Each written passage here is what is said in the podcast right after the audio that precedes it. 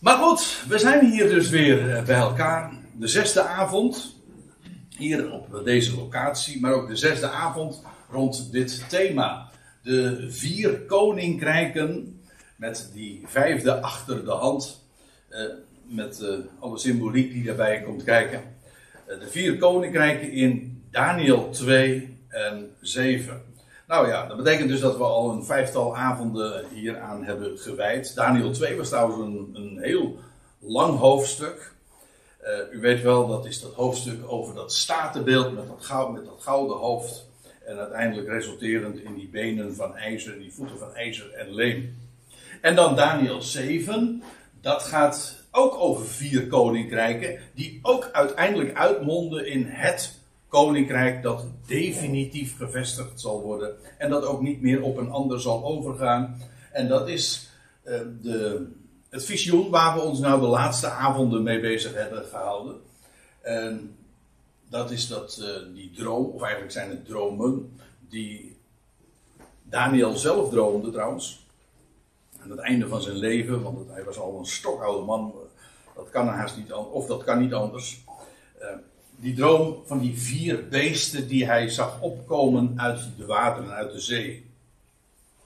Nou, ik ga niet uh, terugblikken op Daniel 2, uh, maar wel eventjes nog even inzoomen op wat we vanuit Daniel 7 hebben besproken. In ieder geval even een paar highlights, zodat we weer even goed bij de les zijn, nietwaar? En die vier koninkrijken, of de vier koninkrijken die Nebukadnezar zag, ooit in een droom, maar dat was dus al vele tientallen jaren eerder. Uh, daarin worden de metalen beschreven van goud, zilver, koper, ijzer en ijzer vermengd met leem.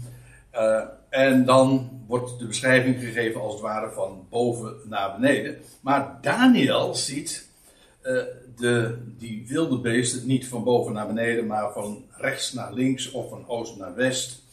En hij, zijn perspectief is ook niet die van, uh, van afnemende kwaliteit van de, de regeringen, maar hij beschouwt de koninkrijken als. Uh, ja, oh ja, dat was het volgende punt. Hij, niet de politieke kwaliteit die afnemend is, maar het beestachtige karakter van die koninkrijken. En het, is, uh, het ontzet hem ook, dat zullen we ook vanavond nog wel zien. Uh, aan het einde van het hoofdstuk lees je dat hij eigenlijk helemaal van de apropos is. Een hele tijd van wat hij heeft aanschouwd. Want weliswaar, het onderwerp was hem bekend. Maar de wijze waarop de koninkrijken hier, die wereldrijken, worden voorgesteld. En met name dat vierde koninkrijk, en daar gaan we ons vanavond mee bezighouden hoe met recht beestachtig het is. Ik hoef het eigenlijk niet eens duidelijk te maken, want het is in onze taal ook een, uh, ja, een staande uitdrukking voor iets wat uh, afschrikwekkend is, afschuwelijk is. Dat is beestachtig. Nou, dat is de wijze waarop deze koninkrijken worden beschreven. Met name dan dat vierde koninkrijk, dat tot op de dag van vandaag toekomstig is. Dus uh, vandaar dat het perspectief anders is. Hij ziet hij ziet er gewoon een ander beeld. Dus niet dat van een statenbeeld, maar van beesten. En ook niet van metalen, maar echt van, uh, ja, van dieren die steeds afschuwelijker worden. En daar is nog iets bijzonders aan de hand. En dat is dat de eerste, die drie koninkrijken, die worden niet uitgelegd. Dat wil zeggen, die eerste drie beesten die hij ziet, daarvan wordt weliswaar gezegd dat het koninkrijken zijn maar niet wat de verschillende details aan, aanduiden. En de lezer wordt kennelijk geacht dat, uh, dat zelf uh, te kunnen beoordelen. En we hebben ook gezien dat, dat als je eenmaal weet wat er in Daniel 2 is beschreven, en het gaat ook over die vier koninkrijken, dan kun je door schrift met schrift te vergelijken inderdaad onderkennen uh, waar het over gaat. En dan wil ik trouwens uh, nog even iets zeggen over de, over de indeling van, van dat boek, of van dat hoofdstuk, Daniel 7. En kijk, in de eerste 14 versen, en dat hebben we eigenlijk nu ook al wel besproken, daarin beschrijft Daniel dat wat hij heeft gezien in de nacht. Van die beesten en al die details die daar worden opgezond. En dan in vers 15 tot en met 18, dat zijn maar een paar versen, daar vind je een algemene uitleg van die vier beesten. En wordt er gezegd van ja, dat het duidt op een opeenvolgende koninkrijken. En dan uiteindelijk altijd, datzelfde als in Daniel 2, dat die vier koninkrijken, die vier wereldrijken moet ik eigenlijk zeggen, uitmonden in die vijfde. Dat koninkrijk, dat tot op de dag van vandaag verborgen is, heel doelbewust. Maar dat zal definitief de, die wereldrijken die echt uit de zee opkomen, uit deze wereld, zullen ze vervangen. Dat vijfde koninkrijk komt ook niet van omlaag, maar van omhoog. Dat komt uit de hemel. Dat zie je helemaal sterk in Daniel 2, bij, die, uh, bij, die, bij dat statenbeeld. Want daar komt die steen van de berg rollen. En dat van boven naar beneden is het, uh, rolt die, die steen dan en verpulvert dat hele beeld. en de wijze waarop het vooral wordt geformuleerd, ook, ik zal er nog wel iets dieper op ingaan later uh, vanavond, is dat het iedere keer zo genoemd wordt dat de heiligen van de Allerhoogsten het zullen gaan overnemen. En dan in vers 19 tot, tot en met 22, dan vraagt Daniel zich af wat de betekenis is van dat vierde beest en de details die daarover worden gegeven. En dan in vers 23 tot 26, dan vinden we de uitleg van dat vierde beest. En dan tenslotte in vers, oh dat moet zijn natuurlijk 27 tot en met 28, die twee versen, dan wordt het hoofdstuk afgesloten. Dus om even een totaal idee te krijgen van hoe het beschreven wordt. Um, nou, dan pakken we gewoon nu de draad op bij vers 19, stel ik voor.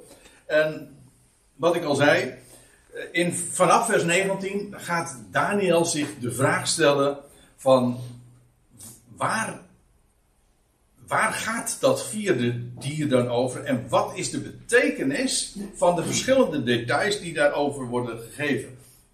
Met andere woorden, het is juist dat vierde, dat laatste wereldrijk dat voorafgaat aan het koninkrijk van God, dat zijn aandacht trekt. En dat plaatst ons trouwens ook bij het bestuderen van, van, deze, van deze hoofdstukken ook meteen bij de actualiteit. Want als inderdaad die eerste drie koninkrijken reeds in het verleden zijn geweest en heel accuraat uh, zijn vervulling hebben gevonden.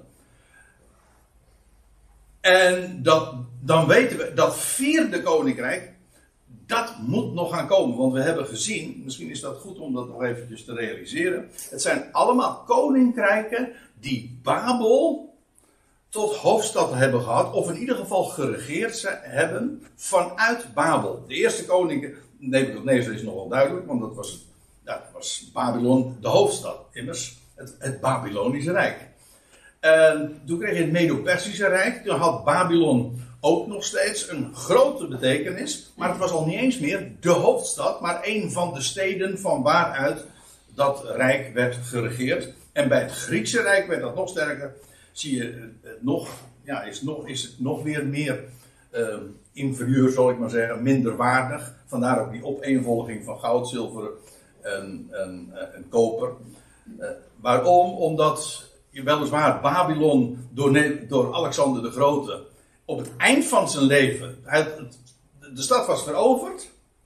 Hij verklaart het tot zijn hoofd, hoofdstad van zijn rijk. Ik heb dat bij een eerdere gelegenheid nog, wat, zijn we nog wat dieper op ingegaan. Maar hij verklaart het tot de hoofdstad van zijn rijk. Hij was nog maar 33 jaar. En daar op die locatie in Babylon komt hij ook te overlijden. Een jonge vent die al in, in die 10, 15 jaar dat hij uh, al zo'n hoge positie had, de hele wereld in, in een sneltreinvaart heeft veroverd. Daar komt hij bij Babylon. Daar verklaart hij het tot zijn hoofdstad. En hij sterft. Aan een griep. Nou, dat schijnt. Maar er zijn er ook uh, complottheorieën over dat hij vergiftigd is door een van zijn uh, of zo. Maar goed, daar, valt moeilijk meer zekerheid over te verkrijgen. Trouwens, doet ook helemaal niet de zaken. In ieder geval, hij is dus uh, omgekomen. Maar dat betekent dus dat Babylon weliswaar verklaard wordt tot de hoofdstad van zijn rijk. Maar er uit geregeerd is er niet meer. Trouwens, na zijn dood viel het rijk van Alexander de Grote ook uiteen in vier delen. In de vier windrichtingen. En ook dat wordt in Daniel beschreven. En sinds die tijd, dus een paar eeuwen voor onze jaartelling, hebben we voor het laatst een stad gehad. Ja, heeft Babylon de functie vervuld van een hoofdstad, of ja, van de, een hoofdstad te zijn van deze, uh, in deze wereld. In een van de rijken. Daarna is Babylon eigenlijk ja, ontmanteld, uh, van zijn luister ontdaan. En tegenwoordig, ja, wat is Babylon? Uh, eigenlijk niks. Nou ja, ik zeg niks. Uh, het, is, het heeft de omvang van een stad als, als Utrecht. Het heet Hilla. Hilla schrijf je eigenlijk. Ehm, maar er is ook een regio, een provincie in het huidige Irak. Dat heet Babylon. En dat heeft Hilla als hoofdstad. Maar dat is het dan ongeveer. Maar sinds.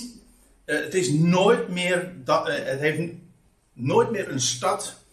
Uh, is het geweest van enige betekenis. Laat staan dat het de proporties had van een wereldrijk. Of het centrum van een wereldrijk te zijn.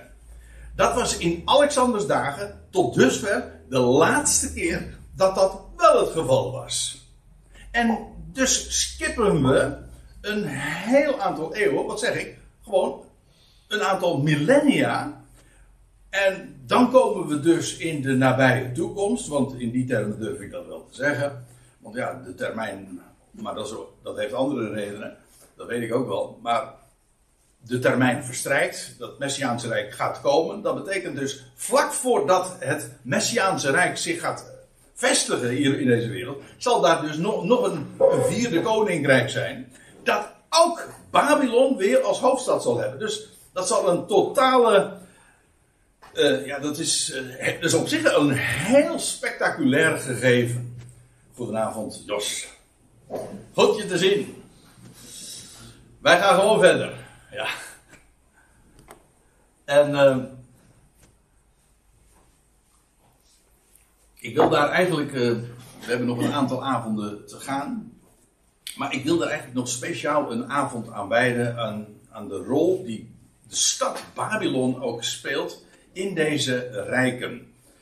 En, uh, want daar moeten we nog eens een bijzondere, echt ook speciale aandacht aan geven. Maar u begrijpt, dit wat ik nu zeg over het feit dat we dus een aantal wereldrijken hebben gehad. Trouwens, voor Nebuchadnezzar ook al hoor. Want na de, zand, na de zondvloed, toen was Babylon al heel gauw de eerste hoofdstad op aarde. Waar de stad, nou ja, beroemd is de toren die graag gebouwd werd. Toen heeft God ook de, de, de volkeren eigenlijk eh, hun wegen laten gaan door ze van elkaar te scheiden, omdat ze elkaar niet meer verstonden. En die families zijn, uh, zo over, hebben zich verspreid over de hele wereld. Maar toen was Babylon dus al de eerste stad. Van deze Aion eigenlijk. Maar dat betekent dus dat deze Aion begon met Babylon. Maar zal ook weer eindigen met de stad Babylon. En dat is spectaculair, juist omdat we al inmiddels uh, ruim twee millennia niks meer van Babylon hebben vernomen. In de zin van een stad die uh, echt de, de allure heeft van een wereldhoofdstad te zijn, of eigenlijk het centrum van, van, een, van een wereldrijk. Terwijl dat wereldrijk nog moet komen. En het is het meest bijzondere. Dat wat we nog gaan krijgen, dat wat we hebben gezien in het verleden, waar we nu als in de, in de, in de geschiedenisboekjes op terug kunnen kijken, van het Babylonische Rijk, Medo-Persische Rijk en van het Griekse Rijk, dat is, dat, dat is spectaculair. Ja, maar het, het, het meest spectaculaire, dat gaat nog komen. En, nou ja, in ieder geval, Daniel die, die is uh, buitengewoon geïnteresseerd. En wij met hem, zoveel eeuwen, uh, om niet te zeggen duizenden jaren later. Toen wilde ik de ware zin weten van het vierde dier, dat van die alle verschilde. Hier wordt dat, later zullen we dat nog een keer zien. Dus aan de ene kant is het een, een voortzetting in de reeks. ja, het heet het vierde dier. Dat betekent dus, uh, in zekere zin is het een, in zekere zin is het dus een voortzetting. Dat is waar. Uh, het is het vierde wereldrijk dat over Babel regeert. Maar het is verschillend. Uh, nou, vooral, en dat blijkt nu uit het navolgende, vanwege het militaire vermogen. Maar ook het godslastelijke karakter. En ja, eigenlijk moet ik ook zeggen, het beestachtige karakter van dat rijk, dat slaat alles. En dat is echt, zoals we dat tegenwoordig noemen, next level. Dat is echt van een heel andere orde. Als, als Daniel zegt van ja, het verschilde van, van al die anderen. Ja, dan is dat uh, niet te veel gezegd, uiteraard.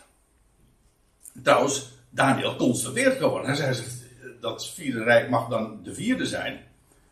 Dus hij telt weliswaar door. Maar aan de andere kant, hij zegt, eh, in een ander opzicht, als je het kijkt naar, naar de aard en zoals het zich voordoet, ja, is het echt van een totaal andere orde. En dat staat er dan ook bij dat buitengewoon vreselijk was, met zijn ijzeren tanden. Nou, dat ijzeren karakter, daar kom ik denk straks nog eventjes op terug.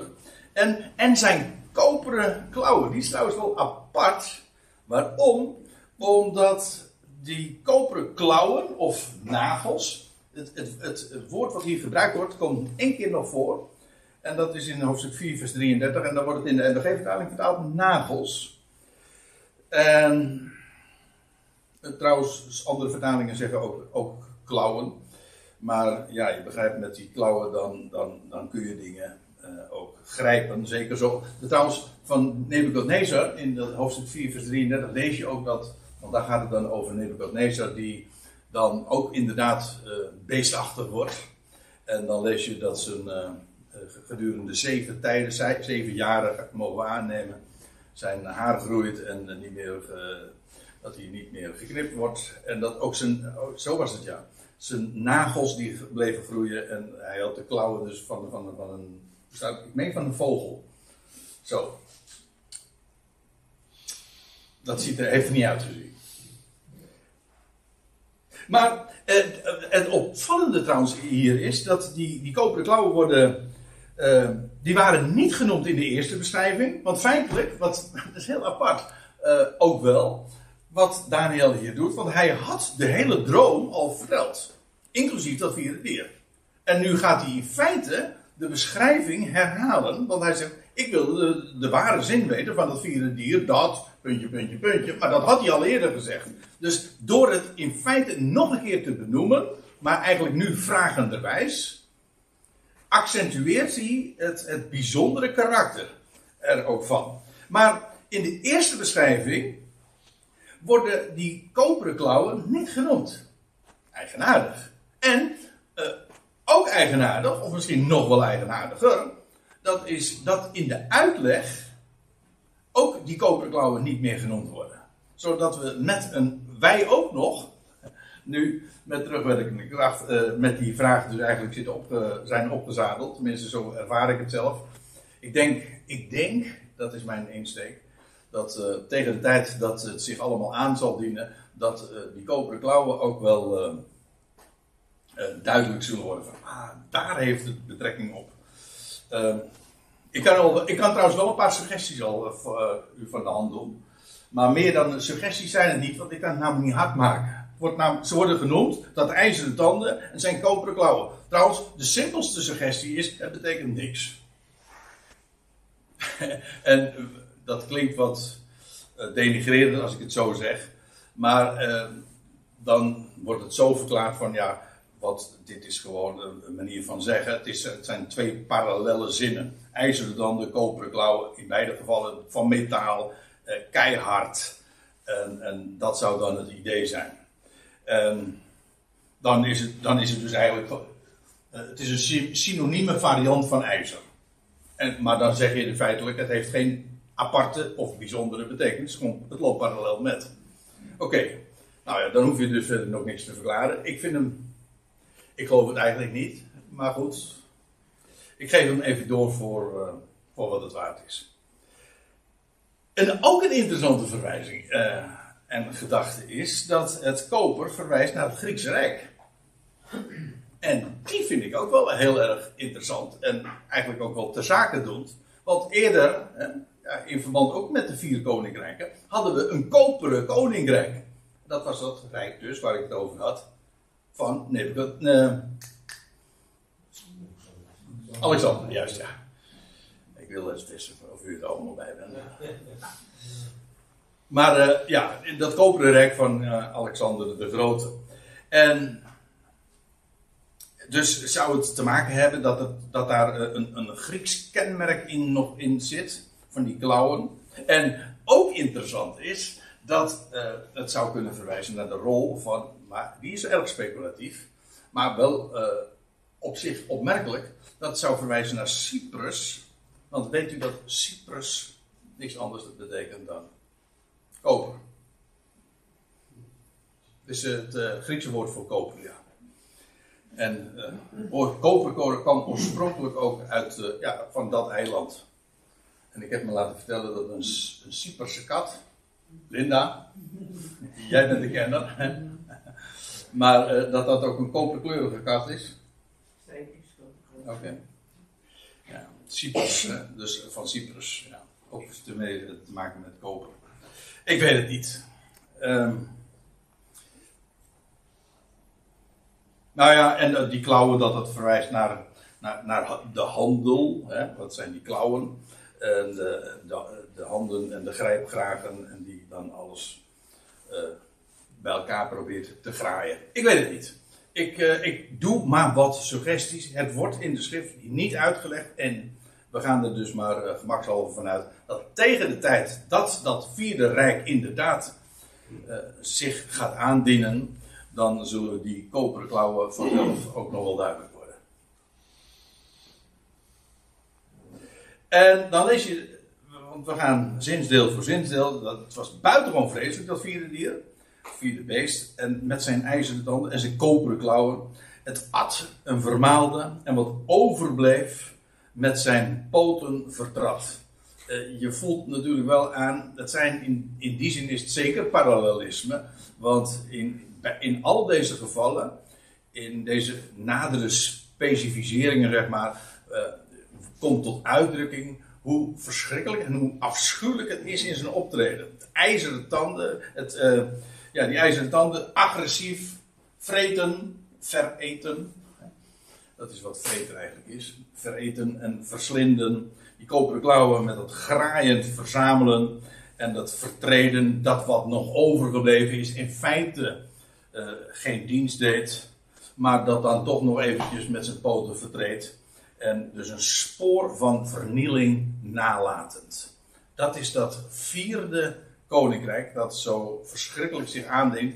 En, en je hoort trouwens ook de echo nog van dat vierde koninkrijk dat in Daniel 2 beschreven was. Met die droom van Nebuchadnezzar. Want dat was ook dat ijzeren rijk. En dan wordt ook benadrukt dat het verbrijzelend zijn, zijn werk zal hebben. Dus er is ook in dat opzicht wel degelijk ook overlap in de beschrijving van dat vierde koninkrijk.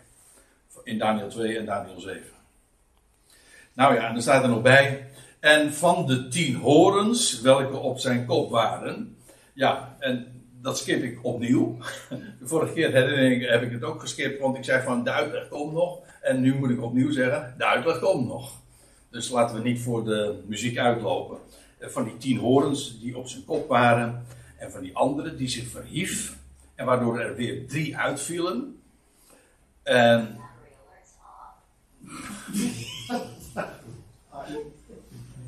Ai, ja zeker. Ja, en die, ene hoorn die, zich, uh, die tussen die tien opkwam, en waardoor er drie uitvielen. Terwijl deze horen met, met ogen en een mond vol grootspraak er groter uitzag dan de andere. En dit wordt dan weer uitgelegd in vers 25. Nogmaals, ook dat parkeer ik even. En dan zegt uh, Daniel uh, bij: Ik zag, nog steeds eigenlijk vragenderwijs, is: Ik zag dat die horen, die, die elfde dus, die opkwam uit die tien, dat die horen strijd voerde tegen de heiligen en hen overmocht. Dat is oud-Nederlands voor het kreeg de overhand over hen. Vandaar ook dat we later zullen zien dat, uh, dat in de tijd van die elfde hoorn, die elfde koning, dat, de, dat is de tijd ook van de grote verdrukking van, de, van tijd, tijden, een halve tijd, die drieënhalf jaar, dat de heiligen in het land en daarbuiten het vreselijk zwaar zullen hebben. Er staat hier ook bij, uh, die, die hoorn voerde strijd tegen de heiligen en, en het overmocht hen. Totdat, en nou, komt, nu, nu, gaan we eigenlijk even een, een, een afslag nemen. Omdat ik, en het vraagt namelijk onze aandacht. En het bepaalt ons bij een heel apart, bijzonder fenomeen. Want nou staat hier dus, uh, ik zag dat die horen strijd voerde tegen de heilige en hen overmocht. Totdat. Dus die elfde hoorn krijgt een tijd, niet veel, maar goed. Hij krijgt uh, een bepaalde tijd dat hij de heiligen, zeg maar, uh, ja. En, dat hij daar uh, zo huishoudt, daar in het land. Maar het heeft een totdat. En dan staat erbij, totdat de oude vandaag kwam en recht verschaft werd aan de heiligen des Allerhoogsten. En ik weet niet of het u nu opvalt, misschien niet, omdat we juist nu vooral inzoomen op de details. En dan, dan het nadeel daarvan is dat het grotere plaatje je dan weer eventjes uh, ontgaat. Maar dit zou je niet verwachten. Deze formulering. Want wat je zou verwachten is totdat de mensenzoon kwam. Want hoe was het ook alweer? Hij had gezien in zijn droom dat, uh, hij, dat in, in, die tijd van die elf horen en dat dan, dan dat, uh, dat hij zag mensen, iemand gelijk een mensenzoon. We hebben het daar de vorige keer over gehad. En die naderde tot de oude vandaag. Ook op die term zijn we ingegaan. Ik laat het nu even voor wat het is. En dan lees je dat hij van de oude vandaag, en ik ga er nu even vanuit, gemakshalve, uh, zijn verwijzing naar God, wiens oorsprongen zijn van ouds. Met recht dus oud vandaag. Dat betekent niet dat hij bejaard of uh, met stok liep of zo. Nee, dat betekent uh, hij, ja, hij is met recht oud vandaag. Iemand die namelijk geen, die zelf het begin is. Dus alle tijden trotseert. Hij is de oude vandaag. En die mensenzoon nadert dan tot de oude vandaag. En hij ontvangt uh, heerschappij en macht, een koninklijke macht. Hoe staat het precies? En, en dan lees je, en die mensenzoon, die is degene die dan op aarde het, de, de, hoe staat het dan precies? Ja, in vers 13. Ja, ik laat het even voorlezen. Misschien dat het dan wat uh, duidelijker uh, tot de verbeelding spreekt. En als Daniel dan in zijn droom zegt: Ik bleef toekijken in de nachtgezichten en zie, met de wolken van de hemel kwam iemand, gelijk een mensenzoon. Hij begaf zich tot de oude van dagen en men leidde hem voor deze. En ik heb de vorige keer ook duidelijk gemaakt uh, dat dit verwijst naar de mensenzoon, de Ben Adam, de Heer Jezus Christus, die uh, inderdaad na zijn lijden en sterven tot de oude vandaag is gegaan en aan hem is alle macht gegeven in hemel en op aarde. En dan staat er, en hem werd hem, die mensenzoon, werd heerschappij gegeven en eer en koninklijke macht en alle volkeren, natie en talen dienden hem. Zijn heerschappij is een eeuwige heerschappij die niet zal vergaan en zijn koningschap is er één dat onverderfelijk is. Dus wie is nou de, de, degene die, uh, die zal gaan regeren? Gewoon in deze beschrijving. Nou, aan degene aan wie alle koninklijke macht is gegeven. De mensenzoon. Die de macht had gekregen van de oude vandaag. Daarom is het zo vreemd dat hier nu staat, daar zou je, echt als je het zo leest, dan, dat is de bedoeling ook, daar ben ik vast van overtuigd. De bedoeling is juist dat je erover struikelt. Zo, eh, omdat het je bepaalt eh, bij een fenomeen. En daar wil ik u op wijzen, want eh, als hier staat dan totdat de oude vandaag kwam en recht verschaft werd aan de heilige van de Allerhoogste. Ja, maar je zou verwachten dat de mensenzoon kwam. Aan hem was immers de heerschappij eer en macht gegeven door de, door de oude vandaag. En punt is dit. En daar wil ik graag eens eventjes een vette streep onder zetten. De mensenzoon, hij representeert, hij vertegenwoordigt de oude vandaag. En dit is een heel belangrijk punt. En ik weet het, er is in uh, al, eigenlijk vanaf het begin van de kerkgeschiedenis hier enorm over gesteggeld. En toen, toen kreeg je de leer van de drie eenheid, dat de Heer Jezus Christus zelf God de Zoon is van eeuwigheid. Om, en men zegt dan van de een is de ander. Ze zijn in wezen hetzelfde. Maar dat is niet wat er staat. Kijk. Um, dat die oude vandaag inderdaad gerepresenteerd wordt door de mensenzoon, dat blijkt ook wel. Uh, ja, want je leest dus van die oude vandaag, uh, wat ik net ook al voorlas. Uh, een oude vandaag zette zich neer, zijn kleed was wit als sneeuw en zijn hoofdhaar blank als wol. En dan ga ik u meenemen naar openbaring 1. En wat lees je daar in vers 13? Dat, dat Johannes, dus de opening van, van dat visioen wat hij ziet. En wat hij optekent daar op Patmos. En dan zegt hij in vers 13. En te midden van de kandelaren meent hij, ziet hij dan iets. Iemand als een mensenzoon. Bekleed met een tot de voeten reikend gewaad. Hij ziet de mens ook. En er staat erbij. En zijn hoofd en zijn haren waren wit als wol, als sneeuw. Zijn ogen als een vuurvlam. Maar dit zijn precies die dingen die we lazen van de oude vandaag in Daniel 7. Dat is eigenaardig. Dus, even voor de goede orde.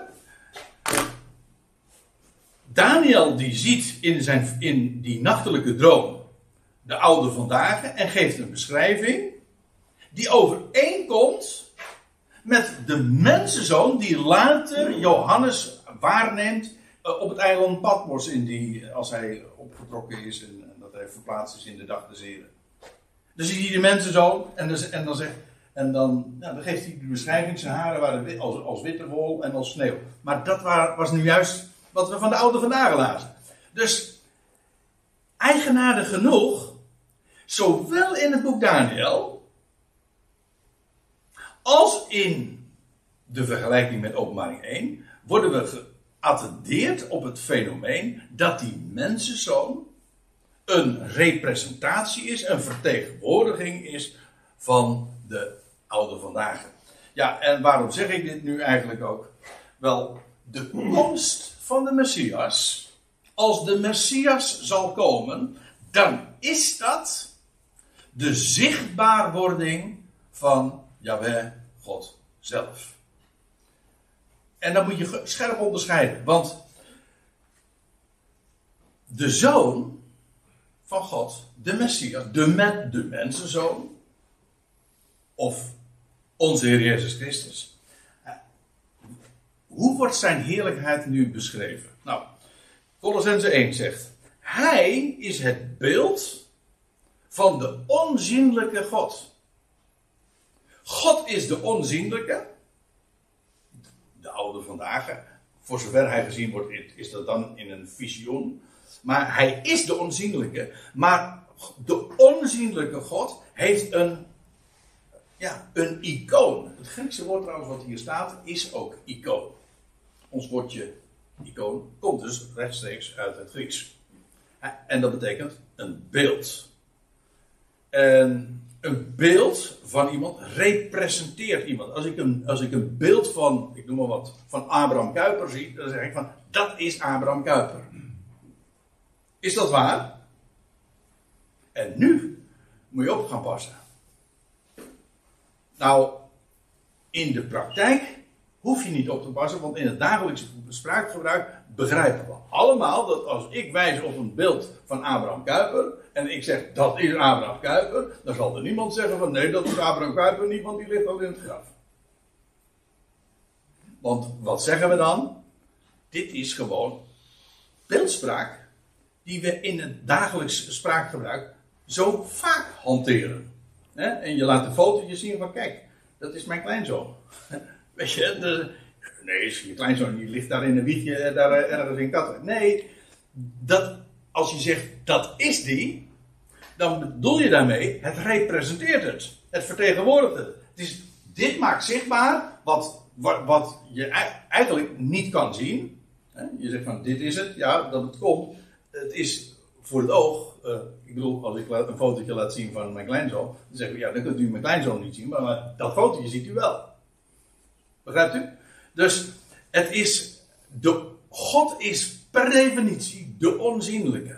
Maar hij laat zich kennen ja, in zijn beeld. En hij is ook de, de, de logos, het woord. Maar dat betekent ook niks anders dan dat hij de expressie is van God. Of Hebreeën 1 zegt, hij is de afstraling van zijn heerlijkheid en de, en de afdruk van zijn wezen. Of van zijn aanname. God zelf wordt niet gezien, maar hij, hij drukt zich uit. Of als je hem. Uh, zijn heerlijkheid wordt niet gezien, maar de afstraling ervan, dat is de Heer Jezus Christus. Of om het nog anders te zeggen, en die is eigenlijk nog wat simpeler misschien. Uh, als de Heer Jezus uh, zegt in Johannes 14: Wie mij gezien heeft, die heeft de Vader gezien. Daarmee zegt hij niet: ik, ik ben eigenlijk de Vader. Nee, ik representeer de Vader. Wie mij ziet, ziet hem.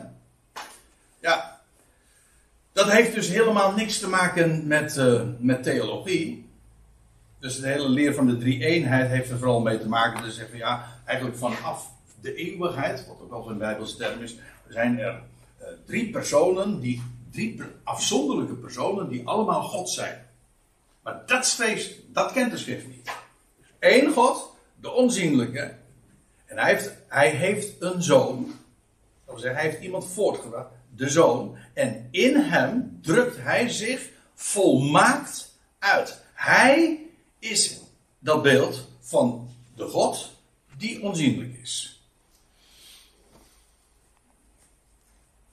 Ja, en dat is een fenomeen dat eigenlijk logisch. Als je eenmaal begrijpt, zo is mij persoonlijk ook wel vergaan. Als je eenmaal begrijpt dat uh, de essentie van die beeldspraak, dat de Heer Jezus Christus inderdaad de, de expressie is van de onzienlijke God, gewoon zoals de Bijbel het zelf uitlegt, ja, uh, dan worden, worden er een heleboel dingen eh, in één klap uh, duidelijk. En dan, dan heb je ook helemaal niet meer die ingewikkelde theorieën nodig van de drie-eenheid. Waarvan zelfs de paus in Rome zegt: een mens kan het niet begrijpen en het is een mysterie.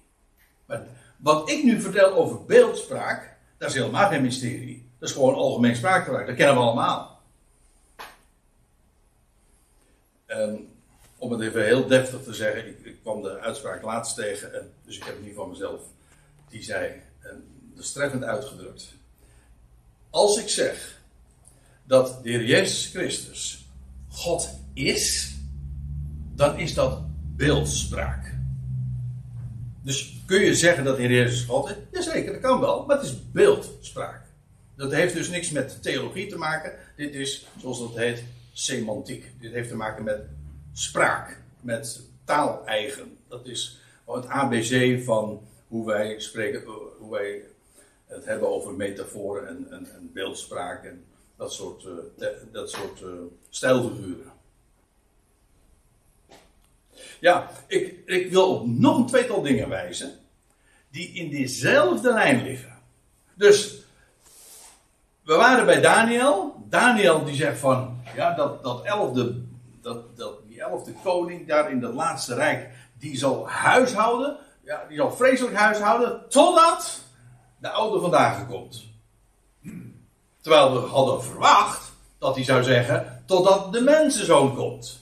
Maar wat blijkt? Die mensenzoon is dus de representatie van die oude vandaag. Dat is wat ik bedoel te zeggen. En dat blijkt uit diverse dingen. En ook in de uitleg die de schrift hiervan geeft. Maar ook in de profetische boeken vind je dit meerdere keren terug. En ik wil twee, eh, twee plaatsen wijzen in het eh, boek eh, Zacharia. Waar, dat, waar je dan ook hetzelfde fenomeen ziet. In Zacharia 12. Daar lees je dit. Dit gaat ook over de laatste dagen. Daar staat er doch. ik lees voor uit de Statenvertaling. Doch, want helaas heeft de MBG-vertaling het, het gat gestreken. En, en daarmee bedoel ik eigenlijk gewoon wegvertaald. Maar de Statenvertaling is hier in deze correct. Daar staat er dit. Doch over het huis van David en over de inwoners van Jeruzalem zal ik uitstorten de geest van genade en van gebeden. En dan staat er, en ze zullen mij, en dat is, kijk het maar naar in de context, dat is Jawel zelf, de Heere, met gewoon hoofdletters, Jawel. En ze zullen mij aanschouwen die zij doorstoken hebben. In de NBG-vertaling staat, en de meeste moderne vertalingen staat, en ze zullen hem aanschouwen die zij doorstoken. Maar dat staat er niet.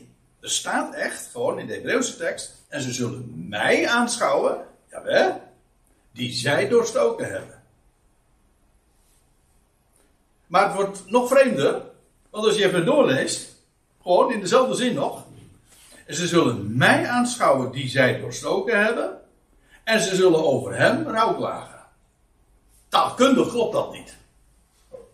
Toch? Want mij, hè, om het even goed te zeggen, dat is eerste persoon enkelvoud. En ze zullen hem aanschouwen, dat is derde persoon enkelvoud. En ik begrijp ook wel, het is geen kritiek, maar het klopt niet wat de moderne vertalingen hebben gedaan. Die hebben het gewoon, uh, dit, dit taalkundig foutje, zou je zeggen, hebben ze glad gestreken en hebben ze in beide gevallen hebben ze er hem van gemaakt, want dan leest wat beter. Ja, maar ik denk dat die fout bewust, die taalkundige fout, hoor je wat ik zeg? Die taalkundige fout heeft de grote auteur er bewust ingebracht. Met andere woorden, was helemaal geen fout. Het is juist ook bedoeld om hierover te struikelen. Om de aandacht te trekken voor het fenomeen dat die, uh, die zij doorstoken hebben, dat is de representatie, de vertegenwoordiging van Jahweh zelf. Hij is het beeld van de onzienlijke God. En als hij straks zichtbaar zal worden, ja, dan zullen ze dan zullen ze over hem rouwklagen. Blijkt trouwens ook wel uit de rest, want er staat erbij. En ze zullen over hem rouwklagen. Als met de rouwklagen van een, over een enige zoon. En ze zullen over hem bitterlijk kermen. Dus er staat vertaling, hè. Gelijk men bitterlijk kermt over een eerstgeborene. Ja. Met andere woorden, eh, deze mij, dat is de enige, of zo u wilt, de eerstgeborene. Overigens, het is duidelijk hè. Dit bepaalt ons bij wat er straks gaat gebeuren. Uiteindelijk ook als de.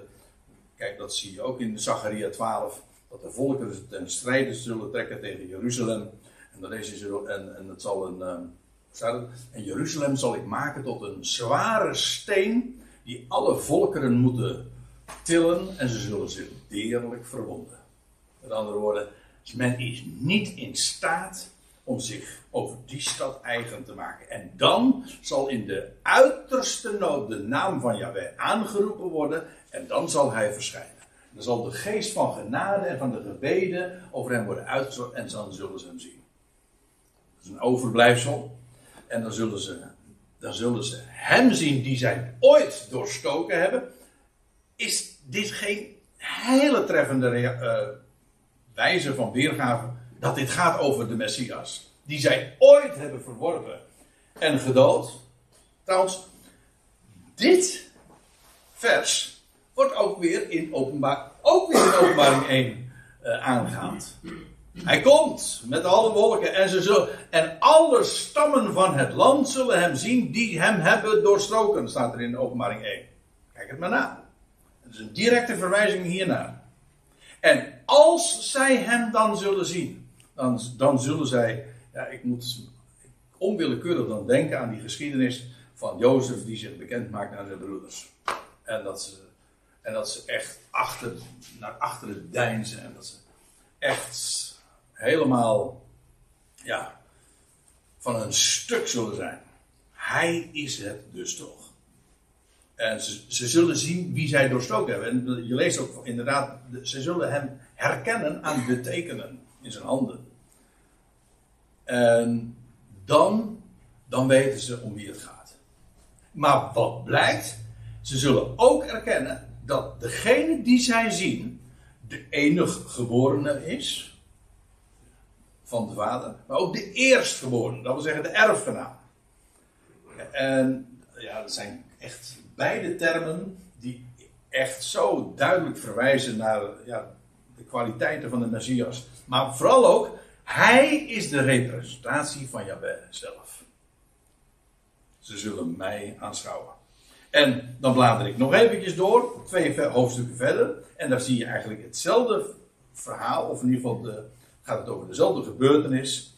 Uh, als de volkeren dan ten strijde trekken tegen Jeruzalem. Ook daar gaat, is dat het onderwerp. En dan lees je, en dan zal Jahweh, ik lees nu trouwens voor uit de MBG-vertaling. Eh, dan zal Jahweh uittrekken om tegen die volkeren te strijden zoals hij, zoals hij vroeger streed. Ten, ten dagen van de krijg. Dat is altijd mooi, hè? Als je, als, als, de, als de Heer strijdt, dan betekent dat er helemaal geen wapens meer nodig zijn. Kijk het maar naar hoor, in, de Bijbel. Dan, uh, dan, uh, de, de Heer zal voor u strijden en jullie zullen stil zijn. Nou, er zijn zoveel voorbeelden van uh, in, in de Bijbel dat inderdaad als, als Hij de krijg gaat voeren. En dat zie je trouwens in dit gedeelte ook, want wat er gebeurt is al Hij zal verschijnen. En er zal ter plekke een, een vluchtweg gecreëerd worden doordat de olijfberg midden doorsplijt.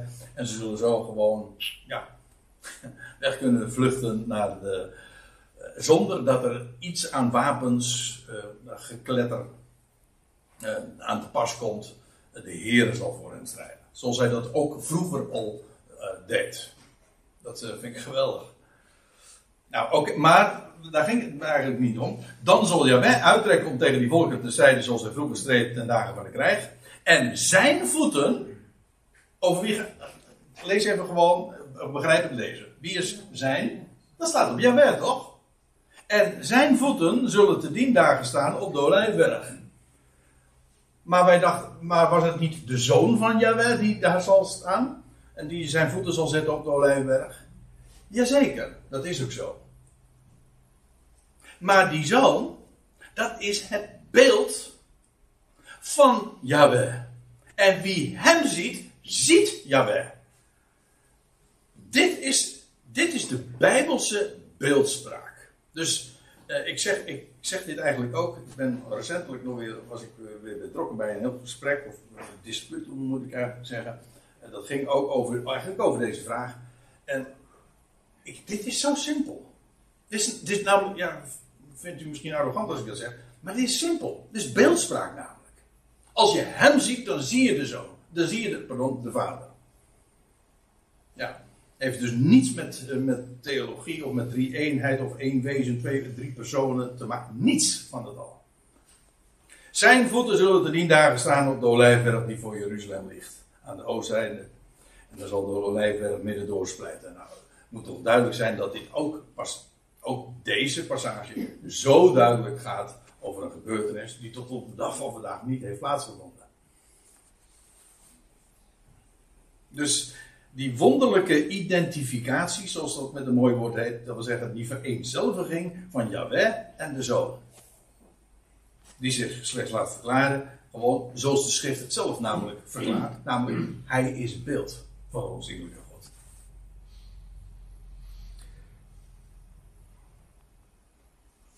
Ja, dus ja, dat is ook wel mooi uh, eigenlijk geformuleerd. Uh, Jezus zal terugkeren op de Olijfberg. Dat was toch de belofte? Die, uh, die, twee mannen die meteen daar op de Olijfberg stonden. Zoals jullie hem ten hemel hebben zien varen, zo zal hij ook weer terugkeren. En zelfs nog op dezelfde locatie. Zijn voeten zullen daar staan. En dan zal hij daar weer zijn. Jezus. Jaweh is redder. Die zal uh, dan gezien worden en zo zal hij zich ook betonen feite de naam van Jezus zegt hij daar, daarmee ook voldoende. Ja, Jezus, hoezo? Nou, hij is Yahweh, als redder.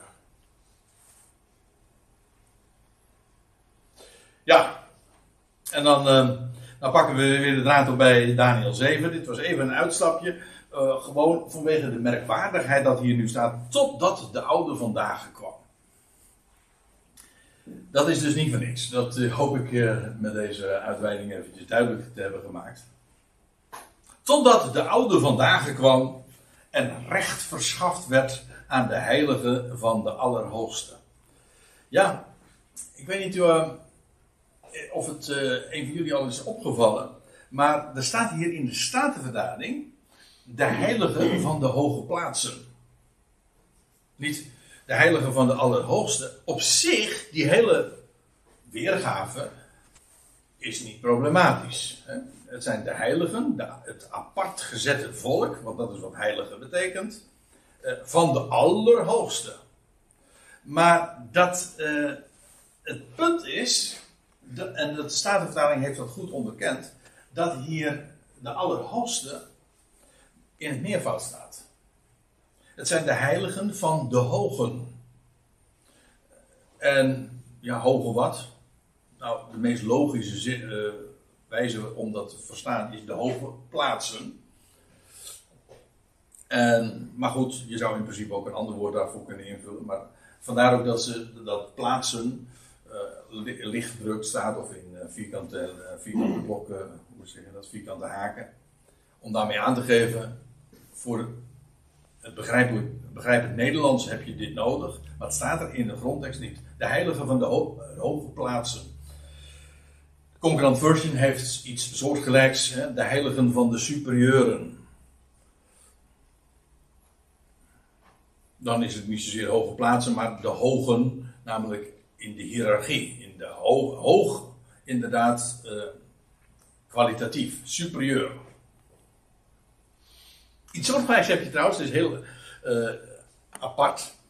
In, uh, in Lucas 2, als de, in de velden van Efrata die herders dan daar zijn. En dan lees je dat daar plotseling, een, dat ze daar een, een engelmacht en die, die getuigen dan, ze zeiden, het staat niet ze zongen, ze zeiden, Ere zij God in den hoge, hè, zo kennen we dat, en vrede op aarde in mensen van welbehagen. Maar weet u dat er eigenlijk staat, heerlijkheid aan God, of eer aan God, niet uh, in, de, in de hoge, dat wil zeggen op een hoge plaats, maar in de, in de hoge, namelijk meervoud. Eigenlijk zelfs een overtreffende trap. In te midden van de hoogste.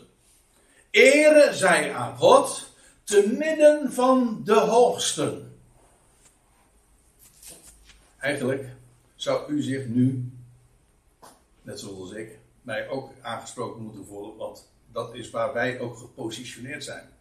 Wij zijn toch met Christus geplaatst te midden van de hemelsen. Hij is daar en wij ook. Wij, uh, onze positie is eveneens daar. Dus wij zijn daar ook in die hoge plaatsen. Dus uh, alsjeblieft. Dat is. Uh, ja, dat is waar de Heer ons eh, geplaatst heeft. Maar de heerlijkheid aan God te midden van de hoogste. Ook daar staat een meervoudsvorm dus. In de praktijk maakt het nou ook weer niet zo heel veel verschil, want we hebben het over het volk inderdaad van de Allerhoogste. Maar het idee is vooral dat die heiligen zich uh, geplaatst zijn van Gods wegen op de allerhoogste positie. En dat kun je letterlijk opvatten, namelijk in de hemelen. Je kunt het ook opvatten van ze hebben de hoogste positie op aarde. Ook dat kan. Ook dan heb je, kun je een hoge positie hebben. Zoals verrekening, het volk van Israël heeft zo'n hoge positie van Gods wegen. Ja, en dan uh, laat ik dit vers dan, uh, of het einde van vers 22 ook nog even bij betrekken. En daar staat erbij, uh, totdat de oude vandaag kwam en recht verschaft werd aan de heiligen van de hoge plaatsen. En de tijd naderde dat de heiligen het koningschap in bezit kregen. De Concordant Version die zegt trouwens, niet in bezit kregen. staat letterlijk de heil, dat de heiligen het koningschap beveiligen. U ziet dat hier ook in de, ja, in de. Uh, niet, het idee is niet zozeer dat ze het in bezit krijgen, maar dat zij het ook beveiligen en veiligstellen. Het koningschap wordt veiliggesteld. En hoezo? Nou, het wordt niet meer overgenomen. Definitief wordt het daar uh, gegarandeerd. Dus de heiligen zullen dan eens voor altijd overnemen. En dus inderdaad ook wel in bezit krijgen. Nou, uh, dat was tot en met vers 22. En dan gaan we na de pauze, want het is 9 uur zie ik.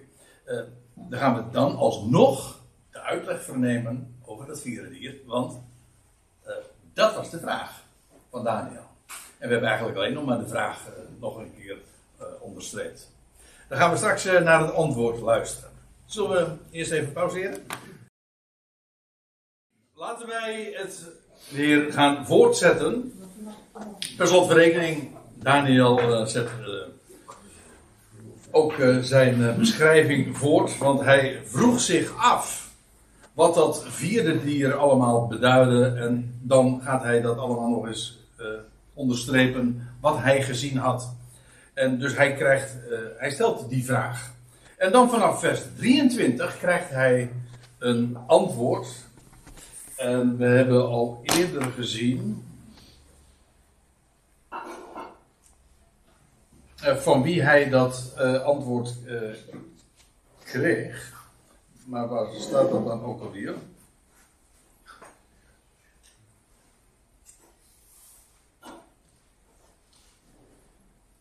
Nou ja. Het stond er wel. Ze hebben het weggehaald. Ja, ze hebben het weggehaald. Ja. Oh ja, dat was in vers 15. Ja. De geest van mij, Daniel, was ontroerd in mijn binnenste. En de gezichten die mij voor ogen waren gekomen, ontstelden mij. Ik naderde een van hen die daar stonden. Dus het wordt verder uh, niet uh, benoemd wie dat dan was. En vroeg hem de ware zin van dit alles. En hij sprak tot mij, en gaf mij de uitlegging daarvan. En dan, nou ja, dan krijg je eerst die algemene uitleg. En dan nu diezelfde, hij sprak al dus. Dus dat is die, uh, die anonieme spreker, zeg maar, uit vers uh, 15, 16. Oké.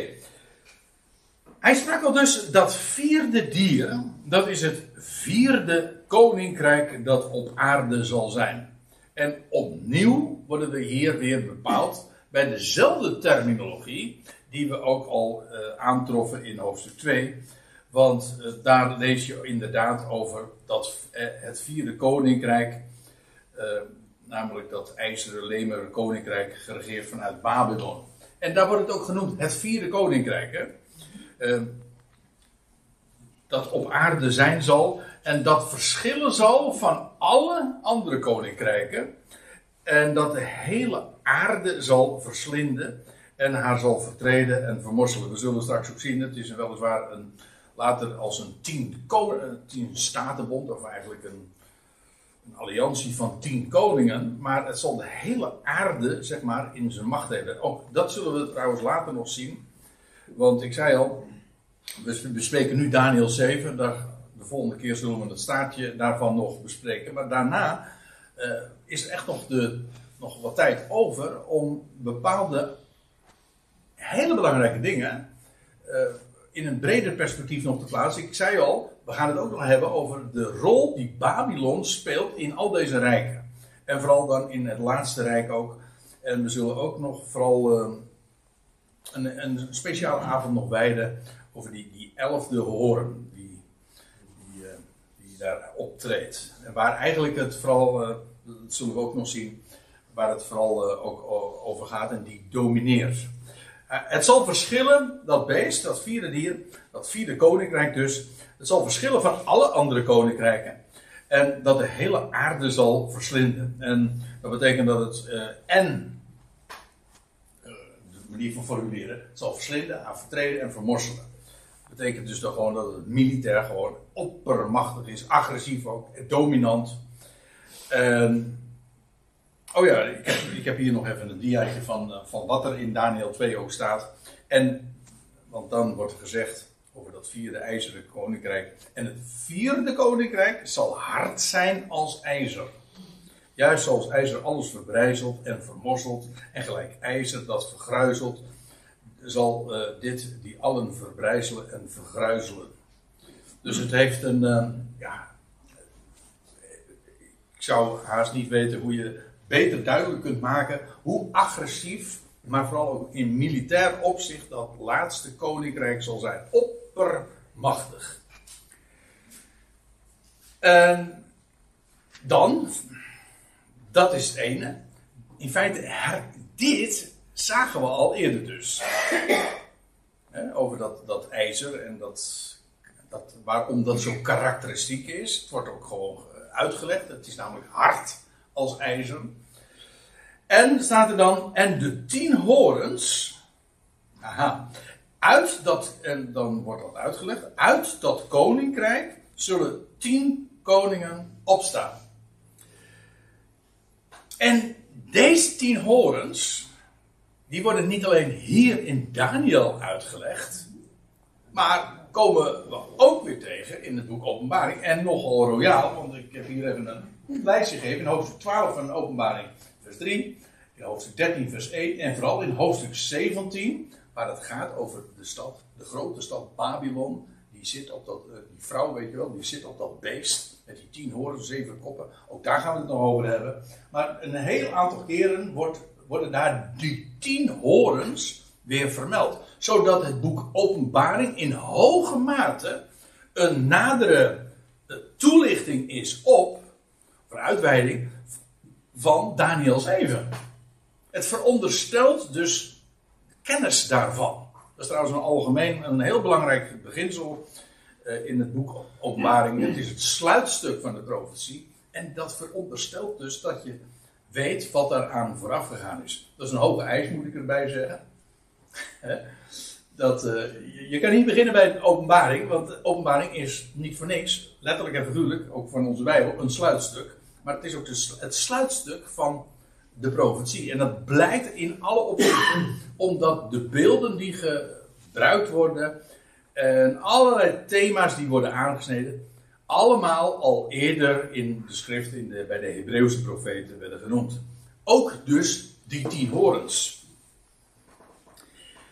En daar staat er, en de tien horens, eh, daarvan wordt gezegd, uh, uit dat koninkrijk zullen tien koningen opstaan. Dus die tien horens zijn tien koningen. Wat ook niet echt uh, vreemd is. Dat wordt trouwens ook uitgelegd, of uh, dezelfde uitleg krijgt Johannes ook te horen.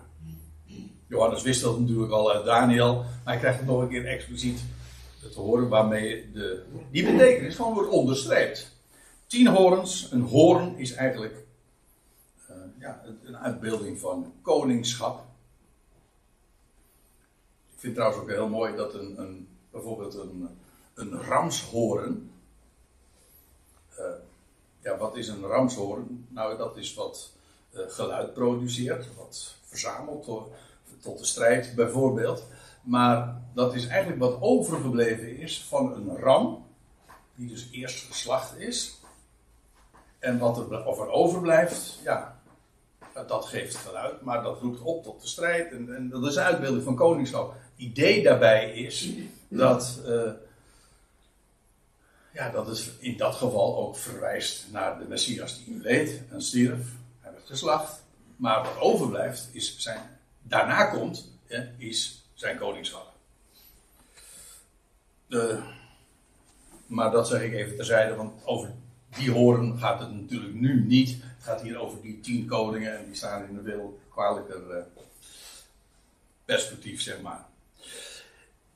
Opmerkelijk is trouwens, en dat is iets wat echt onze aandacht ook in dit geval uh, moet hebben. Namelijk dat er wordt gezegd, de, uit dat koninkrijk zullen tien koningen opstaan. Dat betekent dat er dus eerst is daar dat vierde koninkrijk.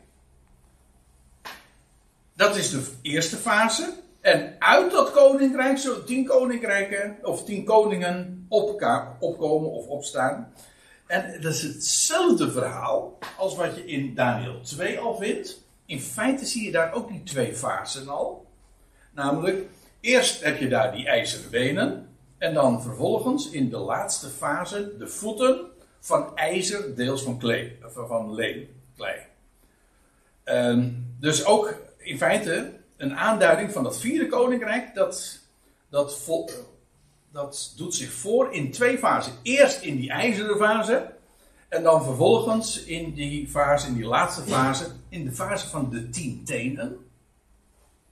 Dan, dat is het voetenstadium, in het laatste dus, of het onderste deel, zo u wilt, in eigenlijk in dat deel waar het beeld ook getroffen wordt.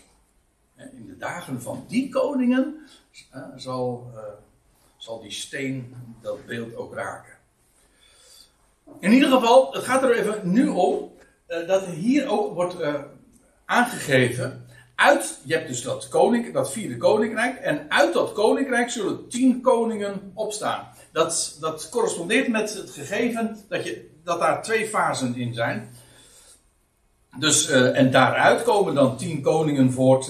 En dat correspondeert met die voeten en de tien tenen. Dat is fase 2. Ik beloof, hier kom ik ook nog op terug. Want dit is ook van belang voor het verstaan van, nou ja, waar ik het net over had, op mijn 13, op mijn 17, over dat beest, die tien horens en die vrouw die daarop zit. Ik zeg dit er trouwens ook bij, om, en dit is iets wat, uh, wat je misschien niet zo 1, 2, 3 zou denken, maar die tien koningen is dus in een. Die, eh, die zich daar in het Midden-Oosten zullen, zich zullen voordoen, in ieder geval rondom Babel.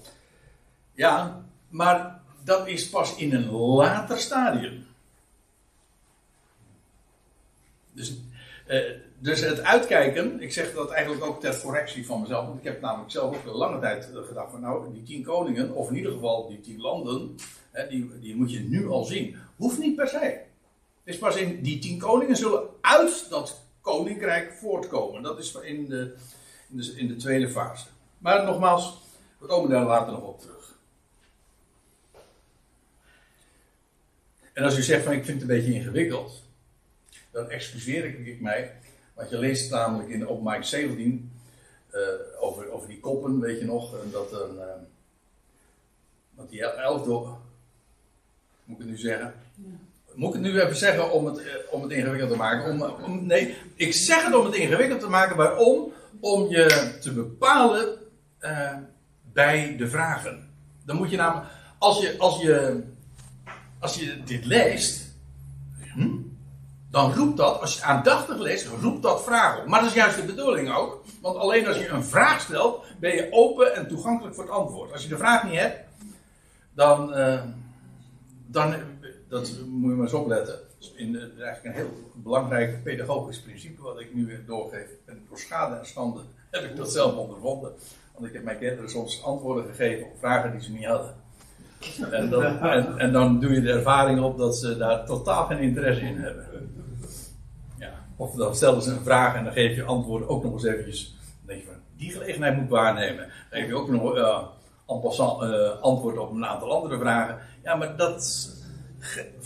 Op het moment dat je de vraag stelt, dan, word je, dan sta je open voor het antwoord. En daarvoor niet. Ja. Oké. Uh, oh, nou, nou vergeet ik nog dit te zeggen. Van, je leest namelijk van die, zeven koppen van dat beest. Dan staat er, ja, dat vijf ervan vallen. Zes, de zesde is er. Nou moet, ik, nou het zelf even goed zeggen. ja, en, de zesde zal worden omgebracht. En dan zal vervolgens een zevende korte tijd komen.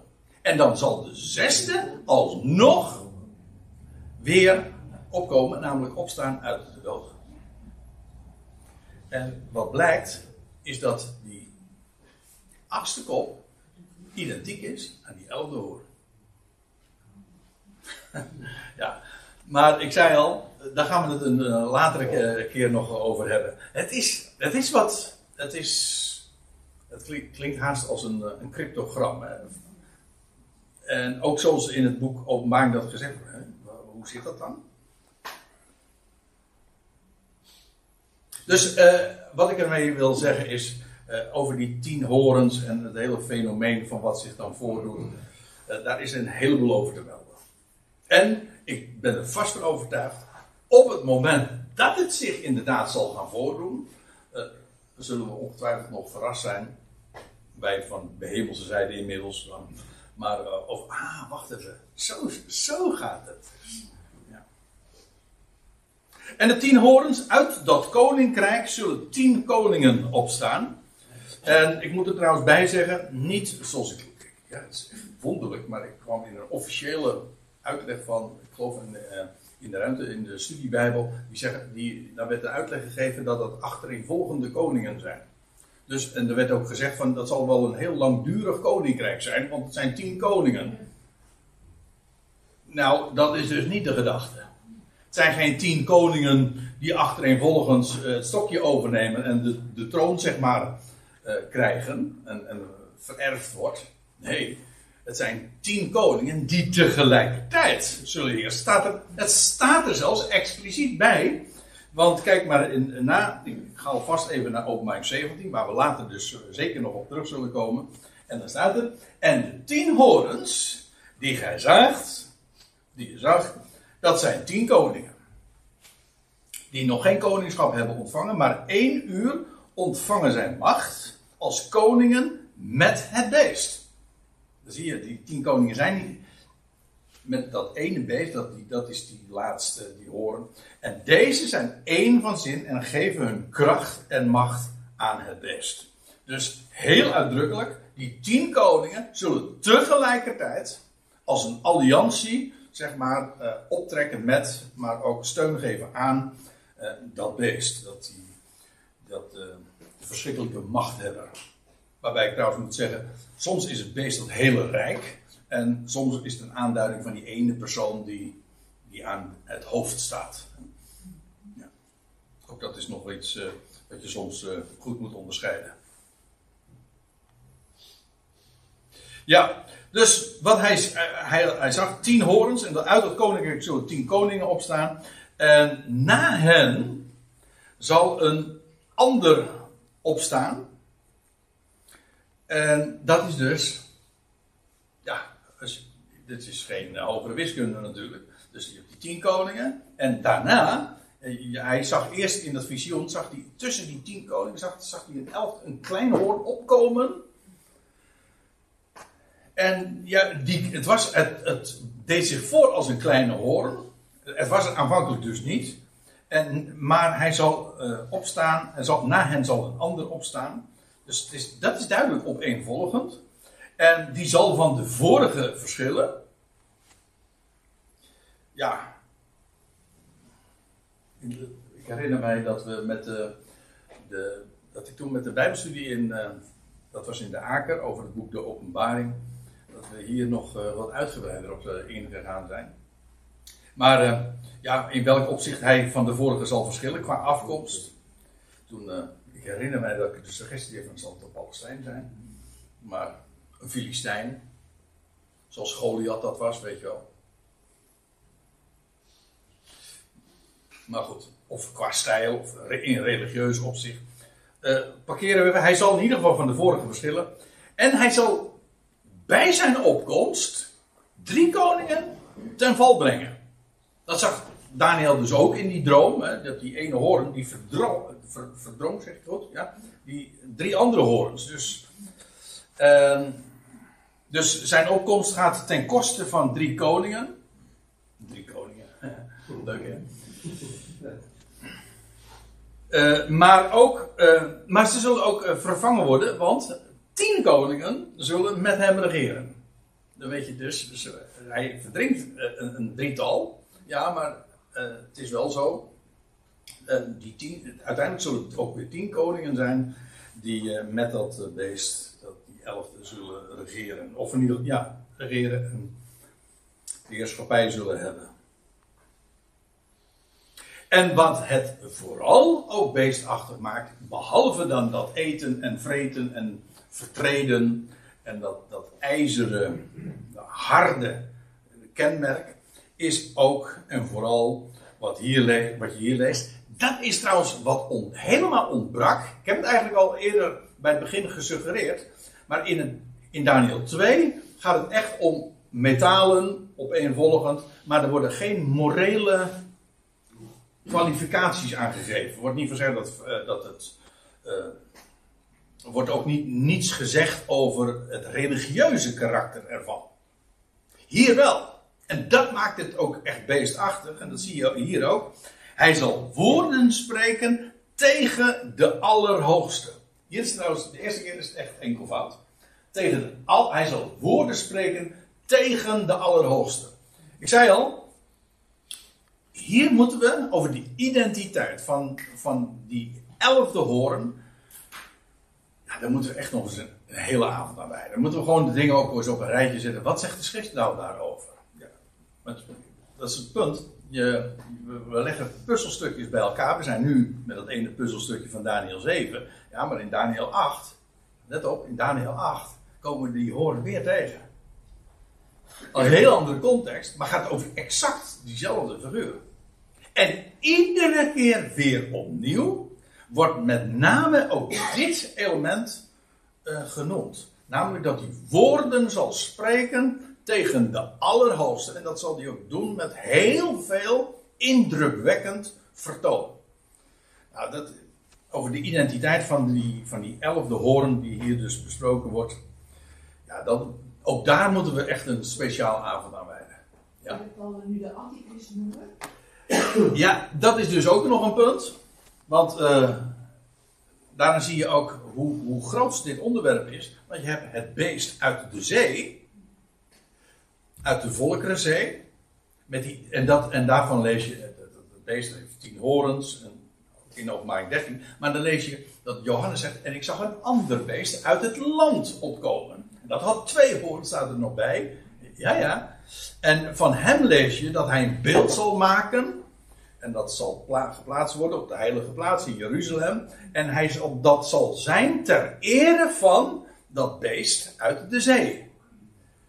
Dus, eh, ze worden, en hij wordt, dat beest uit de aarde, uit het land, wordt later de valse profeet genoemd. Het beest en de valse profeet. Dus eh, ze zijn niet identiek. En als je dan vraagt, want die vraag die stelde je, eh, is dat welke van de beiden is de antichrist? Die is lastig. Want de, de term antichrist wordt in, dit, in verband met de profetie nooit genoemd. We komen wel tegen in de, in de brieven van Johannes. En daar staat van gelijk gij gehoord hebt dat er een, een antichrist komt. De antichrist komt. Zijn er nu reeds vele antichristen, zegt hij dan.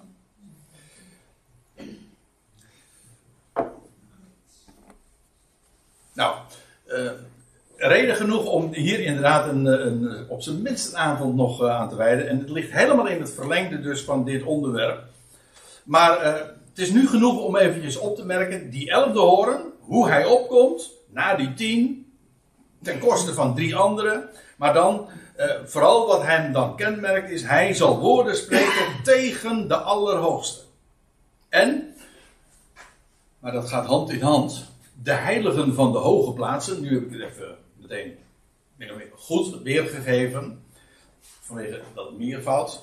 En dan gaat het dus echt over. Het, nou, ik bedoel niet de Joodse staat, in tegendeel zelfs. Ik bedoel juist de heiligen. Degenen die uh, nog in het land zijn, die niet tijdig hebben kunnen vluchten of niet gevlucht zijn, maar die uh, gelovig zijn geworden en zij zijn, zij zijn de heiligen. En er zullen er velen dan ook inderdaad omkomen. Dat staat hier ook. En de heiligen van de hogere plaatsen te gronden richten. Trouwens, ik had het net over dat beest uit het land. maar dan, daarvan lees je ook dat hij ja, nou ja, bekend is wat hij dan zal opeisen. Uh, is goddelijke aanbidding. Men zou buigen voor dat beeld. En, en degene die dat niet doen, wordt van het hele economisch verkeer uitgesloten. Die krijgt geen teken op de, op de rechterhand of het voorhoofd. En zal niet kunnen kopen of verkopen.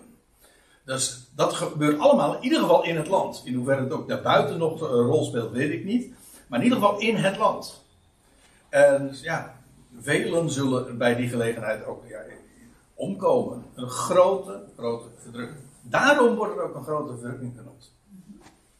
De heiligen van de hoge plaatsen te gronden richten.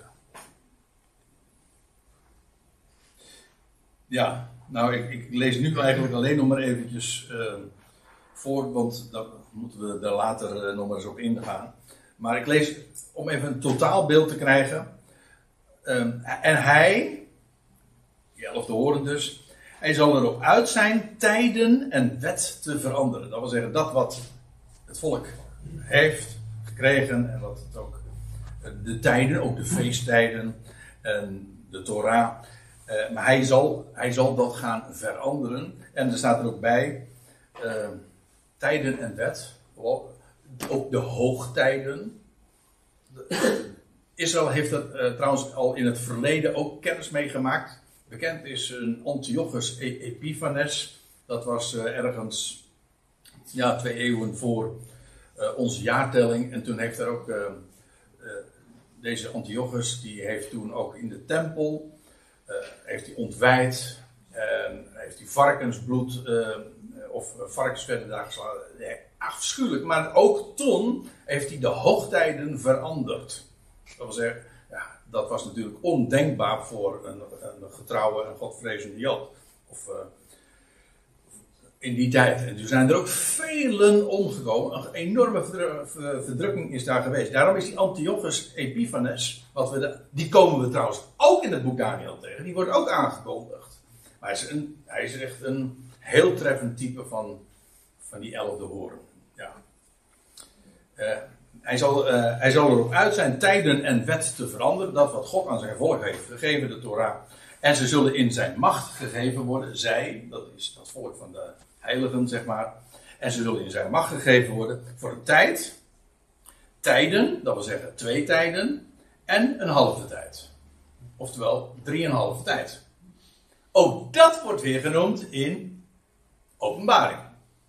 En daar wordt ook trouwens een andere termijnen gegeven. Maar die blijken dus bij nader inzien exact dezelfde lengte te hebben. Namelijk, ze worden, het wordt genoemd 1260 dagen, uh, eh, 42 maanden, maar, of uh, drie jaar en zes maanden.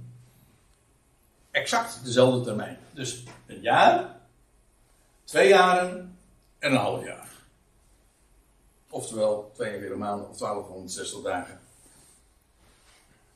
Trouwens, van, van eh, Nebuchadnezzar lees je ook dat hij zeven tijden, zeven tijden zeg maar, als gelijk het gedierte des velds was. Daarom is het heel logisch om te veronderstellen dat dat een periode van zeven jaar is geweest. Zo lang zal dat dus duren, die tijd, die vreselijke tijd. Dus heel, het is heel beperkt. Hè? En ze zullen in zijn macht gegeven worden voor de tijd, tijd en halve tijd. En dan zal de vierschaar, Daniel eer zag, eerder zag, eh, de, de, rechter en de rechtspraak van bovenaf zich neerzetten. En men zal uh, hem, die elfde, die elfde horen, de heerschappij ontnemen. En hem verdelgen en vernietigen tot het einde. Kortom, hij wordt van al zijn koninklijke macht en heerschappij wordt hem ontdaan. En dat is uh, het einde van dat beest dus. En uh, laat ik dan meteen het hele gedeelte nog, nog lezen, zodat we het compleet hebben. En het koningschap, de macht en de grootheid der koninkrijken onder de ganse hemel, dat zal worden gegeven aan het volk van de heiligen van de Allerhoogste. Zijn koningschap is een eeuwig, eeuwig koningschap. En alle machten zullen het dienen en koninkrijk en, sorry, en gehoorzamen. Waarmee dus gezegd is, die vier koninkrijken, ook dat vierde, dat verschrikkelijke, dat zo huis zal houden. Het wordt juist als dan de nood het hoogst is, dan is inderdaad de redder, maar ook het koninkrijk, met allemaal hoofdletters, nabij. En dan, en dan komt het, dan zal het worden gegeven, niet aan de Babyloniërs, niet aan de Grieken, niet aan de Meden, niet aan de Persen, maar aan het volk waar God het van oudsher al aan heeft beloofd. Namelijk aan het huis van Israël. En niet anders. En dan zegt eh, Daniel nog bij, hier eindigt het bericht. En wat mij, Daniel, betreft, mijn gedachten stelde mij zeer. Zodat mijn gelaatskleur verschoot. En ik bewaarde deze woorden in mijn hart. Ja. En daarmee is Daniel 7 afgesloten. En deze laatste versen, daar ben ik nu heel snel doorheen gegaan. En ik zei al, die behoeven dus echt nog nadere toelichting. Maar dat uh, doen we dan uh, de volgende keer. Maar we hebben in ieder geval een idee van hoe dat dus, ja, hoe dat dus afloopt.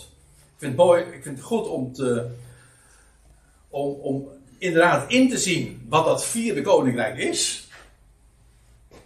Maar vooral ook hoe het uh, op het dieptepunt eigenlijk van de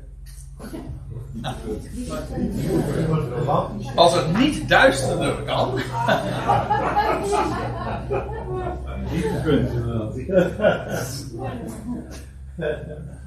ja. Uh, dan zal. Uh, dan zal er ingegrepen worden van bovenaf. Met, met andere woorden, ook hier geldt. Eindgoed.